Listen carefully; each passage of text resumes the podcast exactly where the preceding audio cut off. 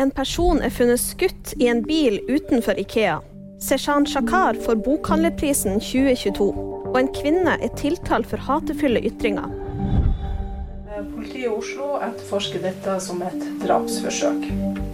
Det sa fungerende leder for drapsseksjonen ved Oslo politidistrikt, Ingebjørg Hansen, etter at en mann ble funnet skutt i en taxi utenfor Ikea på Furuset i Oslo.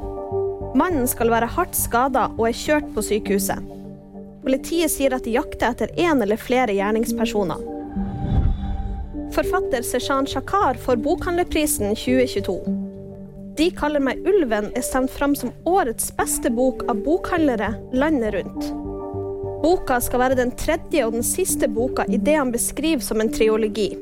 Shakar debuterte som forfatter i 2017 med 'Tante Ulrikkes vei' og oppfølgeren 'Gul bok'. Begge ble publikumsfavoritter.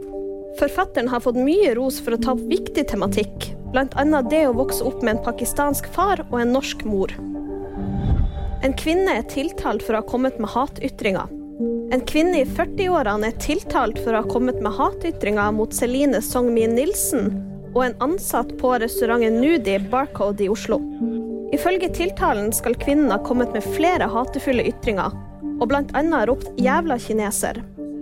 Hun skal også ha gått til fysisk angrep på Nilsen. Nå er kvinnen tiltalt for hatefulle ytringer, hensynsløs atferd og kroppskrenkelse. Kvinnen erkjenner ikke straffskyld. Du kan se video av hendelsen og lese mer om saken på vg.no. Og VG-nyheter fikk du av meg, Live Auskar.